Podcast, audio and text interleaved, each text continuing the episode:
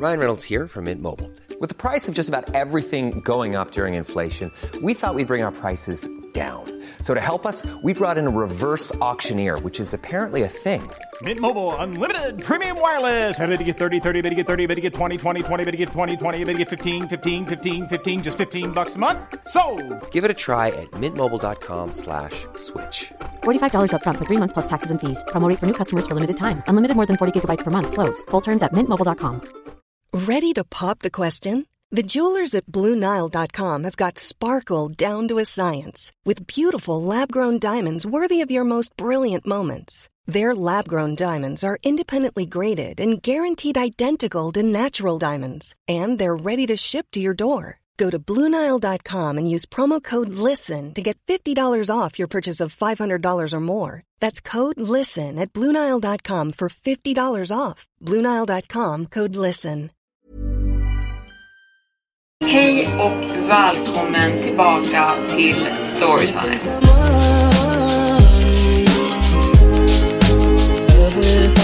Varmt välkomna tillbaka till Storytime-podden med mig Evelin Blomfelt.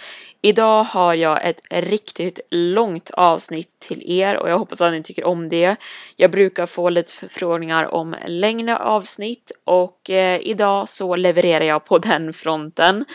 Det här är alltså en del 1 och del 2 från Youtube som blir sammanslagna i dagens avsnitt. Och vi ska prata om ett helt nybyggt hus som ändå visar sig vara hemsökt. Kom ihåg att slå på notiser på podden så ni får veta när jag lägger upp ett nytt avsnitt, men just nu så är det söndagar som gäller för podden. Men utan vidare fördröjning så ska vi sätta igång med dagens avsnitt. Nya hus kan vara hemsökta också. Här är min berättelse. Jag kommer ihåg dagen, det var inte så länge sedan, som jag stod utanför mitt helt nya hus. Det hade gått över ett år med huvudvärk om en budget som spräckts och passerats och försenat byggarbete. Men nu höll jag äntligen i nycklarna till min helt nya egna villa. Det brummande, trötta ljudet från byggprojektsledarens pickup truck åkte iväg och lämnade mig ensam utanför i vinden som susade förbi. Ovanför husets fasad tornade mörka moln upp sig på himlen och det skulle bli en svår storm. Fasaden på huset var en modern vit tegelsten med vita träpaneler runt husknutar och fönster. Och i mitten av husets fasad såg en massiv stor trädörr i ljust träslag som matchade stommarna ute på verandan. Och garaget låg på vänster sida av huset. Jag hade sett huset flera gånger under byggnadsprocessen, men nu när det äntligen var färdigt kändes det annorlunda. På något sätt kändes huset lite mystiskt och spökligt när det stod under de mörka molnen och det förgulnade gräset som hade planterats alldeles för sent på säsongen och torkat ut adderade till effekten av det spöklika. En blick slog ner i distansen, precis bakom huset, och det hade blivit en perfekt bild om man hade fångat den. Och trots att det var helt nybyggt så hade huset redan en egen essens, på ett sånt sätt som ett historiskt föremål, som är äldre än dig själv. Och om ett hus kunde ha en gammal själ så skulle det här huset ha en. Det var designat för att framstå som rustikt, men det var någonting annat med det som jag inte riktigt kunde sätta mitt finger på. En kall vind blåste förbi och påminner mig om att jag inte hade många minuter kvar innan de mörka molnen skulle släppa ut ett skyfall över mig. Jag drog ett djupt andetag medan jag klev in i huset. Sen andades jag in doften av nymålat och nya mattor. Min målarfärg och min matta. Med varje fotsteg ekade mina stövlar genom de öppna rummen i huset. De tomma väggarna, trägolven och det höga taket. Alla gånger jag tidigare hade varit inne i huset hade det alltid varit i sällskap med byggnadsarbetare och mycket lät omkring mig. Men nu när det stod helt tomt kändes varje kvadratmeter mycket större och nästan ensam. Det senaste året, medan jag har väntat på att huset skulle bli klart, har jag bott i en liten mysig husbil. Och medan jag nu vandrade genom huset så slog det mig att det kanske var lite överdrivet stort för en 29-årig singelman utan barn att bo i, men jag ångrade ingenting. Jag gick till mitt sovrum först och beundrade hur stort det var. Min dubbelsäng jag hade beställt kunde enkelt få plats här och lämna mycket utrymme kvar. Nu när jag tänker på det var garderoben jag köpt. Hela ytan av mitt barndomssovrum. Jag vandrade igenom resten av huset och insåg att jag hade underskattat hur mycket möbler jag faktiskt skulle behöva köpa för att fylla upp det enorma huset med. Det var överväldigande att tänka på allting jag behövde införskaffa mig, så jag bestämde mig för att anlita en heminredare. När jag hade låst dörren efter mig kollade jag en sista gång in i huset, mitt hus, och jag lät mig själv äntligen le och min nya symbol av framgång. Det var det det här huset var för mig egentligen, oavsett om jag ville erkänna det eller inte. Jag behövde inte allt det här. Jag ville bara bevisa det till alla som hade tvivlat på mig, underskattat mig och sett ner på mig. Jag ville ha ett ställe att slå ner rötter på. Kanske ett ställe att ha en familj på en dag. Men min huvudsakliga anledning var att peka fingret åt alla som inte trodde det här. Mina möbler förväntades ankomma om ungefär 10 dagar. Så tills dess så skulle jag bo i husbilen ett tag till. Så jag skyndade mig över till den innan stormen slog till. Men om jag bara hade vetat den riktiga stormen som var på väg så hade jag nog vänt mig om och aldrig kommit tillbaka. En vecka senare.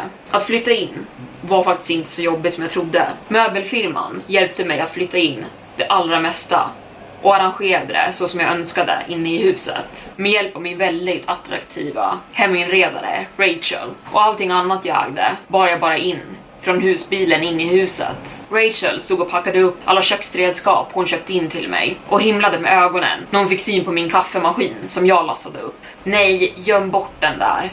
Du kan inte ha en röd kaffemaskin när alla dina andra apparater är rostfritt stål. Varför inte? frågade jag. För att den är gräslig, sa hon, medan hon kastade upp sina armar över huvudet och skrattade. Det här är varför du är singel, sa hon på ett lekfullt sätt nästan flörtigt mer. Eller så kanske det är för att jag gillar att välja mina egna kaffemaskiner, sa jag tillbaka med en lekfull ton. Och här är du ändå och anställer en kvinna för att dekorera hela ditt hus, sa hon och blinkade åt mig. Det kan jag inte argumentera emot, sa jag och skrattade. Det är första gången jag någonsin anställer någon till att spendera mina pengar åt mig. Hur mycket jag skyldig dig förresten? Åh, vi kan diskutera det över middag, sa hon lättsamt. Middag? Ja, sa hon och sen tog hon ett steg närmre. Du får mig att jobba på en fredagkväll. Det är seriös OB redan där. Okej, okay, kör till. Någonting med kött? Frågade jag, för att kolla hur seriös hon var med middagsplanerna. Jag tänkte mer italienskt, sa hon och log. Jag vet ett jättefint ställe precis nere vid sjön. Låter dyrt. OB är inte billigt. Gubben, du kör, sa hon medan hon började gå mot ytterdörren. Där ser man, tänkte jag för mig själv. En dejt med en vacker kvinna och jag behövde inte ens ragga på henne. Livet flöt verkligen på just nu. Vi hoppade in i min bil och började köra iväg. Men i utkanten av mitt öga såg jag någonting som inte borde ha varit där. Ett barn stirrandes ut från ett fönster på nedervåningen. Jag trampade på bromsen och riktade min fulla uppmärksamhet bakåt mot fönstren. Men det fanns inte längre något barn som stod där. Men gardinerna svajade lite fram och tillbaka, precis som att någon just skulle ha rört dem. Är det okej? Okay? frågade Rachel medan hon granskade mig. Ja, jag tyckte bara jag såg en räv eller någonting. Jag ljög för jag ville inte verka som en idiot på våran första dejt. Ja, du kommer nog få syn på en hel del sådana runt i de här trakterna, sa hon med ett lättsamt skratt. Och med det puttade jag ut barnet jag sett i mina tankar och tryckte på gasen igen och fortsatte köra senare den kvällen. Kvällen var underbar. En av de bästa kvällarna jag har haft på väldigt länge. Det senaste decenniet av mitt liv har spenderats på att jobba och spara pengar. Långa hårda dagar, bortrest på arbetsplatser och väldigt lite tid för romans. Men det var där pengarna fanns och pengarna var bra. Jag hade inte spenderat mycket tid med att bekymra mig över att jag skulle hitta en partner. Men efter den där dejten kunde jag inte hjälpa att fundera på att jag kanske hade hittat den ändå. Jag hoppades att hon kände samma sak. Vi hade såklart just bara träffats och gått på en dejt. Men jag var betuttad. Det var bra timing i mitt liv. Jag hade min svetsfirma som började gå väldigt bra och äntligen jobbade jag inte överdrivet mycket och hade tid för ett liv och också ett eget hus nu. Att ha någon att dela allt det här med kanske inte vore så tokigt. Jag höll just på att somna medan jag tänkte på Rachel när jag började höra små lätta fotsteg av bara fötter som sprang längs trägolvet någonstans i huset. Jag satt mig rätt upp i sängen och la ner mina fötter på mattan bredvid min säng medan jag lyssnade intensivt och undrade om jag verkligen hade hört vad jag trodde. Ingenting annat än tystnad hördes nu. Jag drog ett djupt andetag för att lugna ner min hjärtrytm och intalade mig själv om att jag måste ha drömt det och började lägga mig ner i sängen igen. Men då kom ljudet tillbaka. Det gick inte att missta det för ljudet av små snabba fotsteg som sprang igenom min korridor, rätt förbi mitt sovrum. Mitt hjärta höll på att dunka ut min bröstkorg medan jag satt mig upp i sängen igen och fattade tag i min pistol som jag hade i nattduksbordet bredvid sängen. Sen skyndade jag mig till dörröppningen, redo att konfrontera inkräktaren. Jag slog på den inbyggda ficklampan i pistolen och riktade den i korridoren åt det hållet där jag hör fotstegen försvinna mot. Men det fanns ingenting mer än en vägg åt det hållet. Jag riktade ljuset åt det andra hållet istället, mot vardagsrummet och började sakta gå ner för korridoren med pistolen i handen framför mig. Vem där?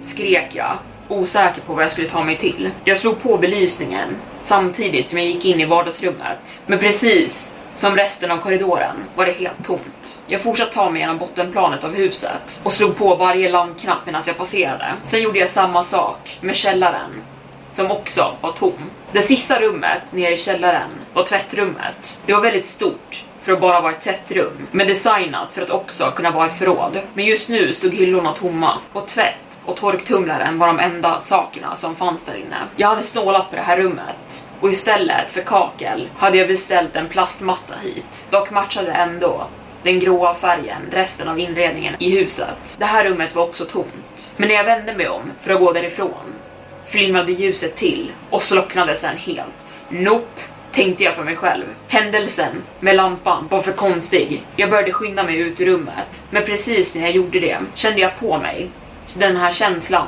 som när någon står precis bakom en. Det kändes som att någon andades i min nacke och väntade på att attackera mig. Jag fick gåshud över hela nacken av den kalla vindpusten som nu lätt snuddade över min hud. Jag samlade allt mod till mig och svängde om på stället och förväntade mig att mötas av en inkräktare eller någonting trots att jag visste att rummet var tomt. Men rummet stod precis lika tomt som det gjort nyss. Men jag hade fortfarande kvar den där känslan av att vara iakttagen. Jag vände mig om och sprang allt vad jag kunde upp för trapporna ut ur källaren. Jag låste min sovrumsdörr och satt uppkrupen på sängen på helspänn hela natten med lamporna tända. Mina andetag var tunga och min bröstkorg var tight medan jag desperat försökte komma på vad det kunde ha varit och att jag hade inbillat mig det hela. Drömt det kanske. Jag hörde definitivt någonting, men det kan inte ha varit på riktigt. Lät det som ett barn? Tvättbjörnar. Det måste ha varit tvättbjörnar. De måste ha byggt ett bo någonstans innan alla dörrar och fönster kom på plats. Jag drog täcket över mitt huvud, som ett barn som är rädd för monster under sängen nästa dag. Jag vaknade upp på lördag morgon med solen redan strålandes in i det stora fönstret som ledde ut mot trädgården. Lampan var fortfarande på i sovrummet och jag blev chockad över att känna tyngden av min pistol fortfarande i min hand. Jag svor åt mig själv för att jag hade varit så rädd, så himla dum, att somna med en laddad pistol i min hand. Människor har råkat skjuta sig själva i sömnen på just det här sättet, råkat klämma åt den och avfyrat den medan de har vänt sig om. Jag var arg på mig själv för att jag riskerat mitt eget liv för en jäkla tvättbjörn medan jag sakta placerade tillbaka mitt vapen i nattdukslådan och säkrade den. Jag hade inte alldeles för mycket tid att fundera över gårdagens händelser när jag vaknade. Jag behövde förbereda mig för inflyttningsfesten jag hade planerat för min familj eftersom att jag verkligen ville visa upp mitt nya hus för dem. Innan jag hoppade in i duschen kollade jag snabbt min telefon och såg att jag hade ett meddelande från Rachel. God morgon Nick. Jag hade riktigt trevligt igår.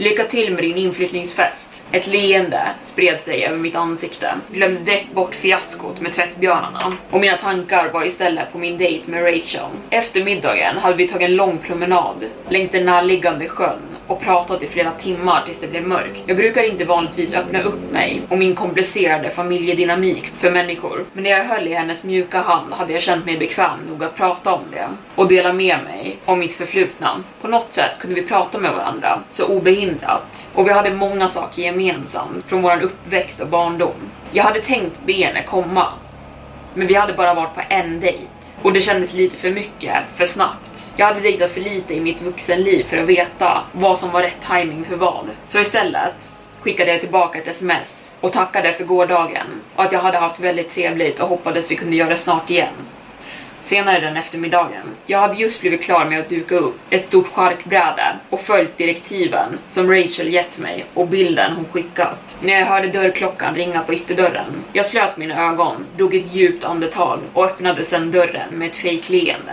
Kul att se dig Nicholas, sa min styvsyster med ett lika fejkat leende medan hon höll någon slags gryta i sina händer ovanför sin gravida mage. Tack för att du kom, Abelin, svarade jag medan jag höll upp dörren för henne och hennes parad av tre ungar i åldrarna 6, 4 och 2 år. Hennes man Brad såg trött ut och han höll upp en påse med vad som såg ut att innehålla blöjor och saker till barnen.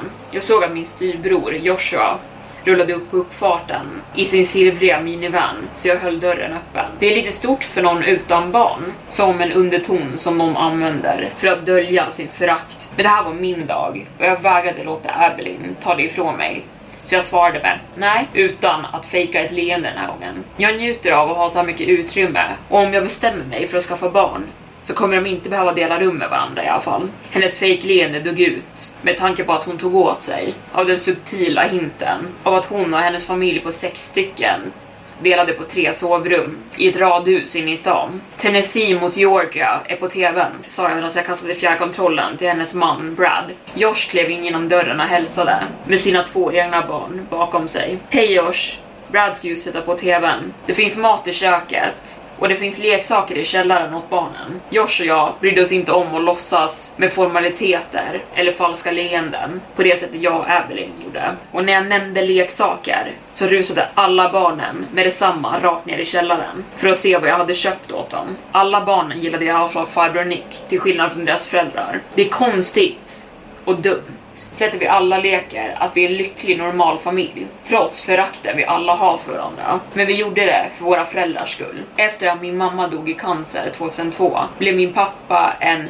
på nytt född kristen och han gifte sig med en kvinna som hette Joanne som också var en änka som gick i samma församling som honom. Så inom 18 månader efter min mammas död var jag tvingad att leva med en styvfamilj med en pryd kristen kvinna och hennes två lika pryda barn. Joanne och hennes barn såg alltid ner på mig. Hon behandlade mig alltid sämre än hennes egna två änglar. De hade bra betyg och stack ut som bra kristna medlemmar i kyrkan. Medan jag blev utkickad från min skola för att jag hade satt på hårdrocksmusik i högtalarna. Joanne hade sen hittat min samling av CD-skivor och brytit sönder dem alla framför mina ögon. Medan mina styvsyskon memorerade bibelverser och fick högsta betyg höll jag bara mina betyg så bra nog att jag fick vara kvar på brottarteamet och spenderade resten av min tid med att åka skateboard. Joanne och hennes församling lärde mig att för att man ska vara lycklig och framgångsrik i livet så måste man gå till college, gå i kyrkan, gifta sig och sen skaffa barn. Hårdrock och skateboarding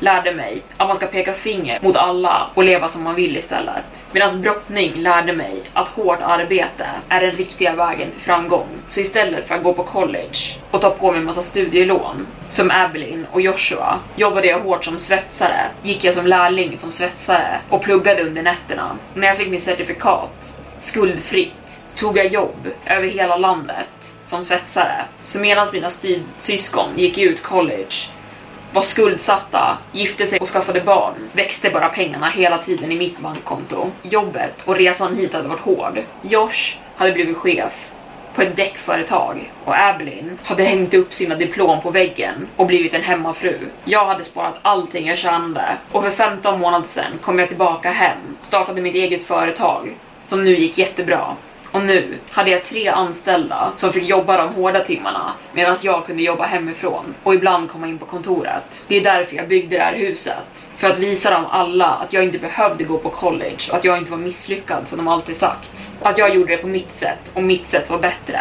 Nick, huset ser fantastiskt ut. Grattis! Den här gången behövde jag inte fejka ett leende. Jag vände mig om och gav min pappa en stor kram. Lycklig att äntligen höra en röst är genuint glad för min skull. När jag hade varit 20-årsåldern hade vi inte pratat mycket alls, men i de senaste fyra åren hade vi lyckats lägga det förflutna bakom oss och förlåta varandra. Nu spenderade vi nästan varje helg med att fiska tillsammans. Tack pappa, sa jag. Sen såg jag Johans fejkleende bakom honom. Det är lite stort för någon som inte har barn, tycker du inte det? Frågade Joanne, som mamma som dotter. Innan han kom på någonting smart att säga tillbaka dök Abigail Abelins äldsta barn, upp bakom mig och tog tag i min arm. Farbror Nick, jag trodde inte du hade några barn. Hon sa det som att det var en fråga. Det har jag inte, sa jag åt henne medan jag böjde mig ner för att få bättre ögonkontakt med henne. Så vem är den lilla flickan i källaren? Vilken liten flicka? frågade jag. De enda barnen som är här är dina kusiner och syskon. Nej, det finns en liten tjej i tvättstugan och hon fortsätter bara gråta hela tiden. Jag ryste när hon nämnde tvättstugan och under normala omständigheter hade det varit mycket lättare att bara bortförklara att det var ett barns fantasi. Men jag fick en obehaglig känsla i min bröstkorg när jag tänkte tillbaka på vad som hade hänt natten före. Jag lovar dig, det är ingen där nere, sa jag åt henne medan jag försökte hålla mig själv lugn. Men det är det, jag såg henne. Fortsatt Abby insistera medan hon blev mer frustrerad när jag inte trodde på henne. Okej, okay, sa jag innan hennes mamma han lägga sig i.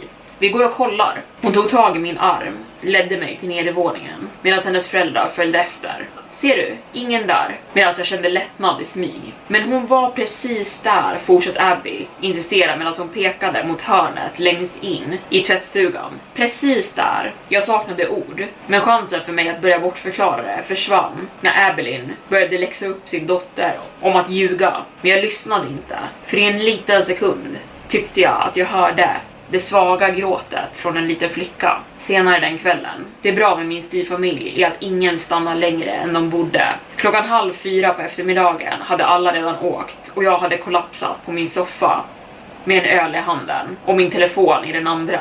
Jag smsade Rachel och bad henne komma förbi och äta upp charkbrickan med mig eftersom min familj knappt hade ätit någonting av den. Men hon var upptagen på en familjemiddag och trots att jag ville träffa henne så kunde jag inte klaga över att det var skönt att spendera kvällen själv med att kolla fotboll och dricka några öl. Men innan jag hann bli för bekväm bestämde jag mig för att gå ner i källaren och plocka undan alla leksakerna först. Bilar och Barbies var utspridda över hela källargolvet. Men jag var lycklig att se att barnen också hade utforskat böckerna jag köpt till dem.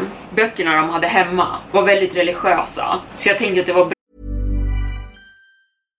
If you're looking for plump lips that last, you need to know about Juvederm lip fillers. With Juvederm Volbella XC and Juvederm Ultra XC, your lip look, whether it's subtle or bold, can last up to one full year with optimal treatment and no additional maintenance. Find a licensed specialist and see if it's right for you at Juvederm.com today. That's J U V E D E R M.com. Add fullness to lips in adults over 21 with Juvederm Volbella XC or Juvederm Ultra XC. Do not use if you have severe allergies or a history of severe allergic reactions, or if you're allergic to lidocaine or the proteins used in Juvederm. Tell your doctor if you have a history of scarring or taking medicines that decrease the body's immune response or that can prolong bleeding. Common side effects include injection site redness, swelling, pain, tenderness, firmness, lumps, bumps, bruising, discoloration, or itching. As with all fillers, there's a rare risk of unintentional injection into a blood vessel, which can cause vision abnormalities, blindness, stroke, temporary scabs, or scarring. For full important safety information, visit juvederm.com.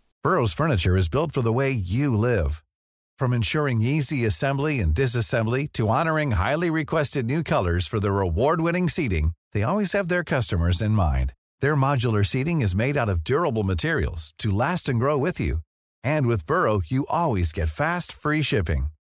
Get up to 60% off during Burrow's Memorial Day sale at burrow.com slash ACAST. That's burrow.com slash ACAST. burrow.com slash ACAST. Millions of people have lost weight with personalized plans from Noom. Like Evan, who can't stand salads and still lost 50 pounds. Salads generally for most people are the easy button, right? For me, that wasn't an option. I never really was a salad guy. That's just not who I am. But Noom worked for me.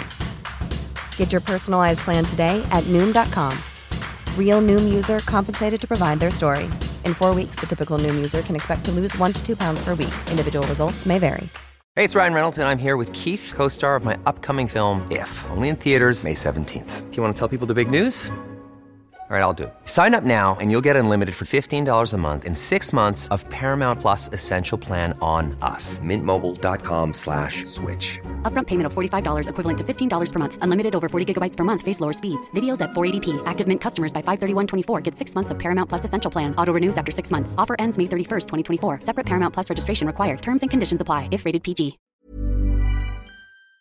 Bra för dem att läsa någonting annat som bara handlade om barnsligare saker. Jag skyfflade allting under förrådsutrymmet som låg under trappen. Gunghästen jag köpt fick knappt plats där under för att den var enorm. Den hade inte varit billig, men barnen hade absolut älskat den, vilket gjorde den värd varenda spänn. Innan jag gick upp på övervåningen stannade jag upp och kollade in i tvättstugan. Jag ville inte erkänna det, men rummet gav ifrån sig en känsla jag inte riktigt kunde förklara eller skaka av mig. Det kändes bara fel. Bara att se in i rummet från avstånd fick mig att känna mig obekväm och rädd. Det var mer än upplevelserna både jag och Abigail hade haft. Det var känslan av ångest som strålade ut från rummet. Jag skyndade mig över dit och stängde igen dörren innan jag snabbt tog mig upp till övervåningen. Jag hade en dröm den natten. Eller jag tror i alla fall att det var en dröm. När jag fann mig själv nere i tvättrummet igen. Det var gråtande som hade lett mig ner dit till att börja med. Ett barns gråt. Hon var i hörnet av rummet och hade på sig en pyjamas med rosa enhörningar. Hon satt ner ihopkurad med benen framför sig. Hennes huvud var begravt i hennes händer. Med hennes långa bruna hår som täckte större delen av hennes ansikte i en trasslig röra. Hon grät okontrollerbart. Jag är ingen expert på barn, men jag antar att hon borde ha varit runt 6-7 år. Jag satt mig på knä bredvid henne och la en hand på hennes axel. När jag gjorde det hajade hon till, som att hon var rädd för att bli skadad. Hej, det är okej, jag är inte här för att skada dig. Kan jag hjälpa dig? Vad är fel? sa jag medan hon fortsatte att gråta. Hon slappnade av lite när jag talade, men fortsatte att gråta med mjuka snyftningar. Jag är fast här, sa hon mellan snyftningarna. Vad menar du med att du är fast här? Hur kom du ens hit? frågade jag. Den dåliga mannen tog hit mig och vi kan inte ta oss härifrån. Vi är fast här med den läskiga saken. Sen grät hon mer hysteriskt. Vad menar du med att du är fast? sa jag medan jag ignorerade alla de andra mer alarmerande frågorna. Jag kanske kan hjälpa dig, fortsatte jag för att lugna henne. Och då slutade hon gråta och vände upp sitt ansikte mot mig. Du, kan du hjälpa mig? frågade hon. Nu såg hon upp på mig, men hennes hår täckte fortfarande hennes ansikte. Såklart, sa jag. Jag sträckte mig och borstade bort håret från hennes ansikte, men jag drog tillbaka min hand lika snabbt när jag såg hennes ansikte. Jag försökte att inte visa skräcken och illamåendet jag kände, men det var nästan omöjligt. Hennes ansikte var slaget, fullt av blåmärken och svullet, nästan missformat till den grad att man inte kunde avgöra hur hon tidigare hade sett ut. Det såg ut som att hon hade blivit slagen och jag såg mörka blåmärken runt hela hennes nacke. Snälla, sa hon igen, medan hon tog tag i min hand och började gråta. Snälla, du måste hjälpa mig. Du måste hjälpa mig. Innan jag hann komma på någonting att svara eller samla mig själv så slocknade all belysning i rummet. När rummet föll i mörkret blev det iskallt. Den typen av kyla man skulle förvänta sig ute mitt i vintern. Jag hörde någonting som närmade sig bakifrån och kände det också. Det var en närvaro. En kall, mörk, ond närvaro. Flickan skrek så högt så att det gjorde ont i mina öron. Och bakom mig hörde jag skratt. Ett djupt maniskt skratt. Nej, skrek hon. Medan skrattet ökade. Nej, nej, nej, hjälp! Hjälp! Sen vaknade jag. Jag gnuggade mig i öronen rädd, men lättad att det bara var en dröm. Men min lättnad blev inte långvarig när jag insåg att jag inte låg i min säng eller i min soffa. Jag låg på golvet i tvättstugan. Och när jag insåg det hoppade jag fort upp mina fötter och slängde mig mot lampknappen på väggen medan jag nästan slog mig själv. Jag kände frenetiskt längs hela väggen efter lampknappen som nästan inte ens verkade vara där längre. Till slut hittade jag den och belysningen tändes med detsamma. Det fanns inte längre någon liten tjej här. Inget skräckinjagande skratt. Men där stod gunghästen mitt i rummet. Den som jag just hade ställt under trappan för någon timme sedan, dagen efter. Jag hade inte sovit alls sen jag vaknade upp i tvättstugan efter den där drömmen som jag inte ens var säker på faktiskt var en dröm, hade jag genuint känt mig uppskakad. Och för att vara helt ärlig så var jag rejält rädd vid det här laget. För många konstiga saker hade hänt sen jag flyttade in i det här huset under en så kort tidsperiod. Och jag försökte övertala mig själv om att allting hade en logisk förklaring. Det här huset var helt nybyggt. Det kunde inte vara hemsökt. Eller kunde det? Men i mitt hjärta visste jag att någonting oförklarligt ägde rum här. Jag kunde känna det. Rachel var på väg dock, vilket bidrog med en väldigt välkommen distraktion. Vi hade planer att göra och äta frukost tillsammans. Och smset hon skickade, där det stod att hon var på väg, gjorde så att leende spreds över mitt ansikte och jag kunde direkt pusha bort min rädsla eftersom att jag behövde fräscha upp mig nu. Jag hade en dam att imponera på. Så Nick, hur känns det nu att bo i det här vackra huset? Frågade Rachel medan vi sippade på våran tredje mimosa. Den gyllene morgonsolen sken igenom de stora fönstren på framsidan av huset, vilket gav hemmet en varm och inbjudande känsla som fick det svårt att sätta sig in i de obehagliga erfarenheterna jag, jag hade haft. Du vet, det är bra, sa jag. Medan mina tankar ofrivilligt rörde sig till incidenten jag haft med den gråtande lilla flickan. Men jag ville inte erkänna och låta som en idiot. Faktiskt, jag är överraskad varje gång jag ser det. Det känns för vackert för att vara mitt. Varför tvekade du? frågade hon. Vad menar du? Du tvekade. Är det någonting du inte gillar med det här huset? Nej, nej, det är bara det att jag tappade tråden osäker på hur jag skulle avsluta den meningen. Berätta, insisterade Rachel medan hon lekfullt slog i bordet för att demonstrera fejkad frustration. Jag tror det här huset är hemsökt, spottade jag rakt ut. Men det är helt nytt, sa Rachel medan hon direkt såg mer seriös ut. Jag vet hur det låter, sa jag medan jag slängde upp mina händer i luften. Men hör här, jag fortsatte med att berätta allting som hade hänt för Rachel. Och jag började med den första dagen när jag hade sett barnet stå och titta ut genom fönstret när vi åkte iväg för våran dejt. Jag berättade om fotstegen jag hörde springa runt om nätterna. Om den gråtande lilla flickan min systerdotter insisterade på att hon hade sett. Och till slut om min konstiga dröm jag hade haft innan jag vaknade på golvet i tvättstugan. Jag avslutade berättelsen medan Rachel satt och lyssnade intensivt. Jag pausade, bekymrad över att hon skulle tro att jag var galen och hitta på en anledning till att åka härifrån nu. Men hennes svar blev inget som jag trodde. Jag tror på dig, sa hon medan hon ställde ner sitt glas på bordet. Jag släppte ut ett andetag som jag hade suttit och hållit inne. Lättad över att bemötas av en seriös och betryggande blick på hennes ansikte. Jag såg en flicka också, dagen du flyttade in. Jag ignorerade och försökte intala mig själv om att det var någon slags illusion, men jag har inte kunnat släppa det. Hon la sin hand för sitt huvud, som att hon fick huvudvärk. Det känns bara så, ja, läskigt. Jag vet inte hur jag ska förklara det. Ett litet leende kröp upp på mitt ansikte. Jag var medveten om att det var malplacerat att sitta och le, men det kändes så betryggande att veta att jag inte var ensam om att ha upplevt de här konstiga sakerna. Rachel såg på mig förvirrad en stund, sen log hon tillbaka och vi båda bröt ut i ett konstigt skratt. Mitt helt nya hus är hemsökt, sa jag när jag till slut samlade mig och kunde vara seriös igen. Jag ska vara helt ärlig nu, jag är rädd för mitt hus. Nåväl, började Rachel och hennes blick övergick till att bli flörtig. Det kanske inte skulle vara lika läskigt om du inte sov ensam. Jag tror du kan ha rätt, sa jag och skrattade. Men jag är inte säker på att min säng är stor för båda oss. Vi kanske får leta upp en där vi båda får plats. Men det visade sig sen att sängen var gott och väl stor nog för oss båda två veckor senare. Jag hade vaknat upp klockan ett på natten av småspringet av barfota fötter som sprang genom huset igen. En händelse som både jag och Rachel hade upplevt ganska ofta de senaste två veckorna. Vi båda hade hört gråtande en eller två gånger och hade bara ignorerat det då. Leksakerna som jag hade förvarat under trappan i förvaringsutrymmet hittade jag ofta utspridda över källargolvet. Och trots att det var lite läskigt hade jag bestämt mig för att bara låta det hända. Rachel hade sovit över de flesta nätterna vilket var bra för många anledningar. Jag undrade ofta om saker gick för fort fram mellan oss, men det fungerade jättebra. Och varför skulle jag då sabotera det? Och bortsett kände jag mig mycket mer trygg att inte sova ensam under nätterna. Och jag började tro att jag skulle kunna leva med att bo i ett hemsökt hus. Jag förhandlade mig själv om att det bara var ett barns spöke trots allt. Och hur mycket skada kunde ett barnspöke faktiskt göra? Men trots det kunde jag inte komma bort från frågan på varför ett barn skulle hemsöka mitt hus. Huset var helt nytt. Det fanns ingen tidigare ägare som kunde ha dött i hemmet. Rachel och jag hade gjort en teori om att det kanske hade varit en bilolycka på en väg närliggande där ett barn hade dött.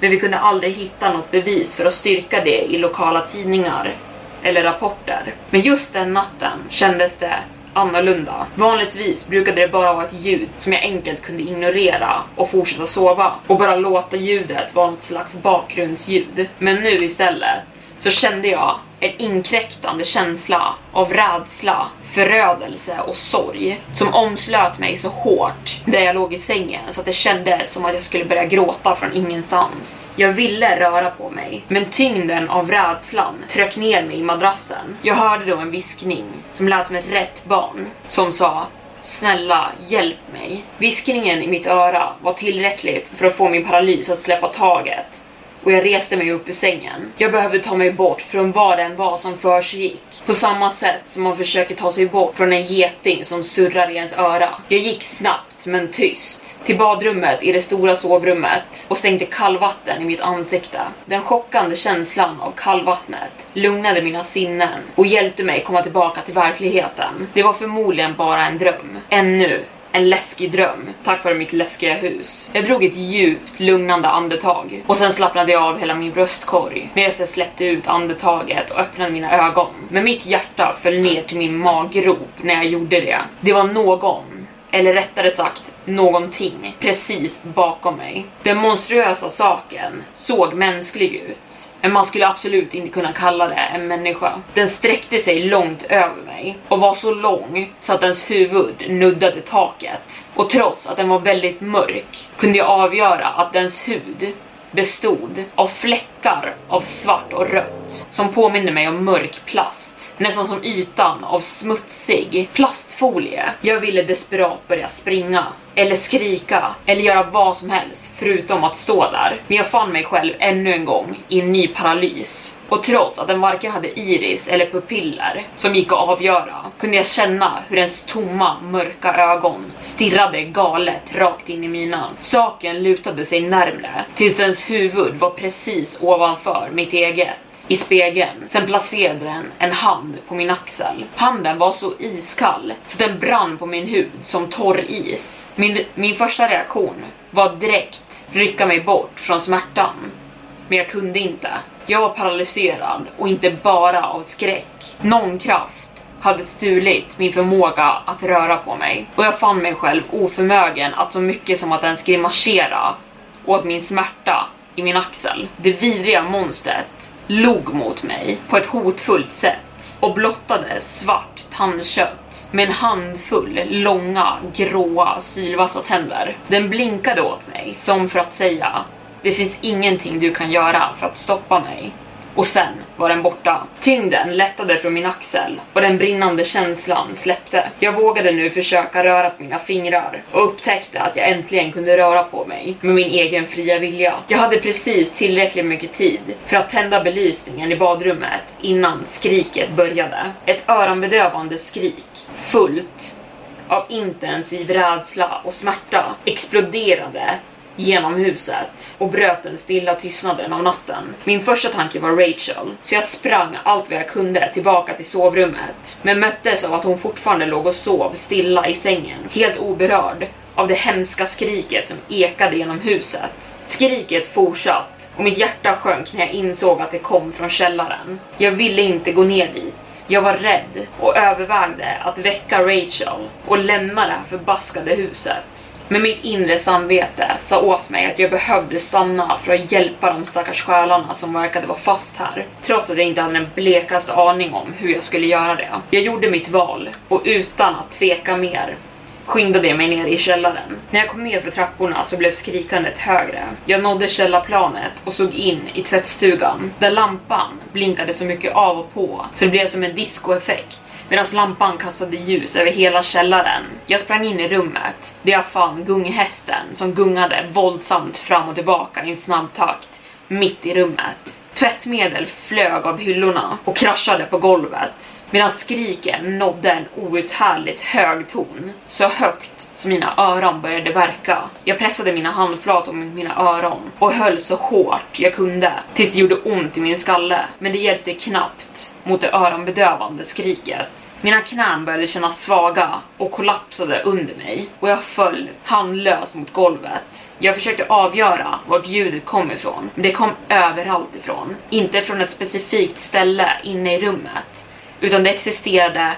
i hela rummet. Jag slöt mina ögon och försökte koncentrera mig och komma fram till vad jag skulle göra. När det slog mig, väggarna Skriken kom från väggarna och innan jag ens förstod vad jag själv höll på med stod jag upp och slog min knytnäve in i väggen så hårt jag bara kunde närmst mig. Min hand gick rakt igenom plywoodväggen och träffade betongen bakom den. En skarp smärta gick igenom mina knogar och rakt upp för min armbåge. Men jag hade så mycket adrenalin i min kropp i stunden att jag knappt kunde fokusera på smärtan och började riva ut så mycket av väggen jag bara kunde. Jag använde öppningen jag slått upp för att riva av bit för bit. Tills till slut alla brädorna var lösa. Jag drog en sista gång ordentligt och tvingade hela resterande väggen att falla till marken. Och då slutade skriket omedelbart och det gjorde den blinkande lampan också. Och för en kort stund var allt helt stilla.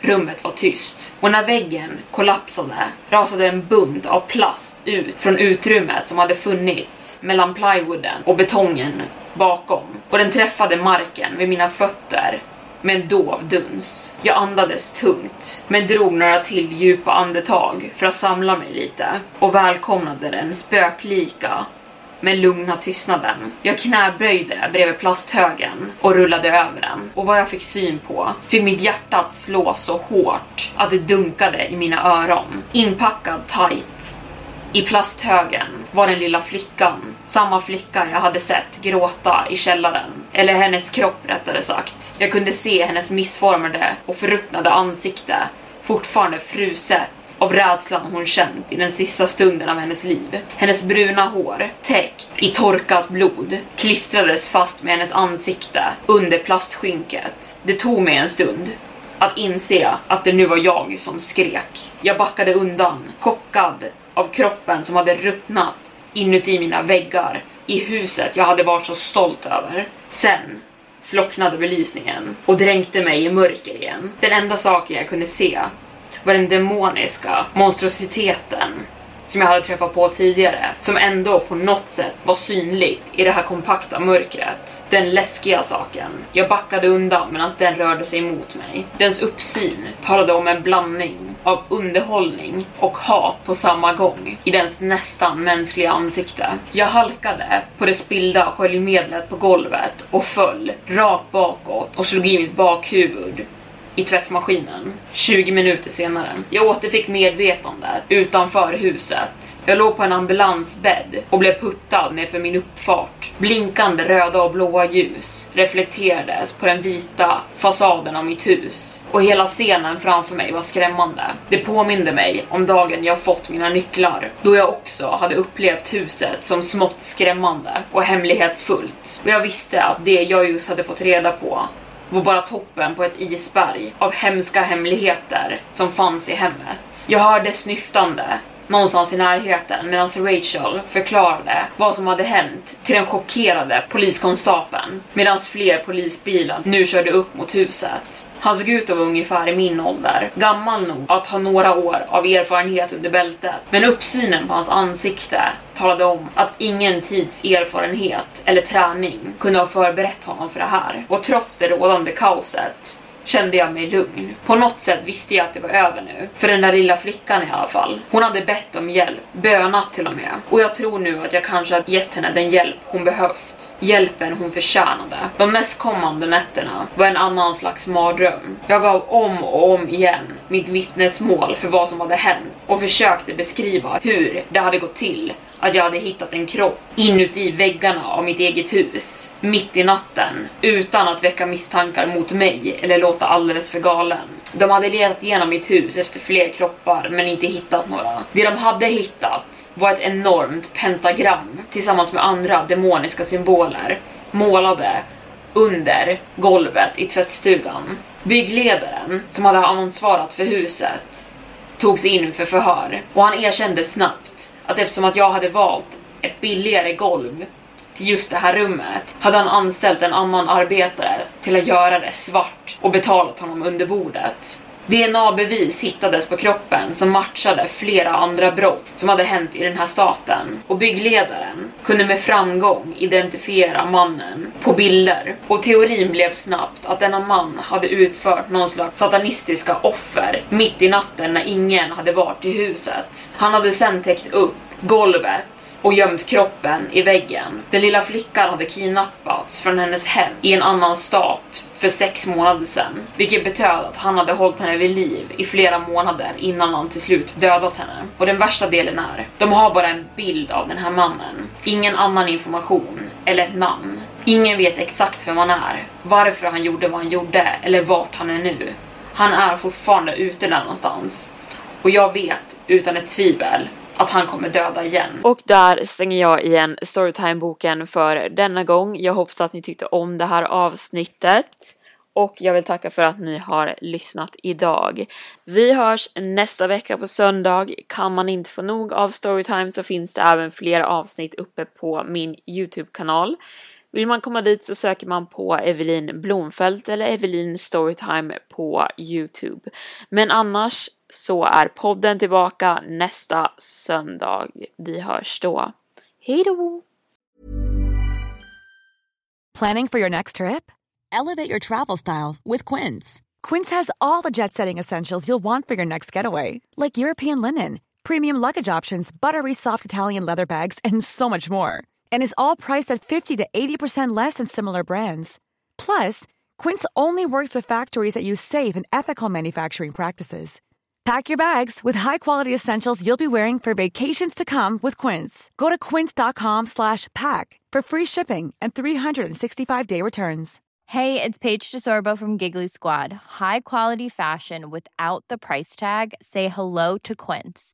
I'm snagging high-end essentials like cozy cashmere sweaters, sleek leather jackets, fine jewelry, and so much more. With Quince being 50 to 80% less than similar brands and they partner with factories that prioritize safe ethical and responsible manufacturing. I love that. Luxury quality within reach. Go to quince.com slash style to get free shipping and 365 day returns on your next order. quince.com slash style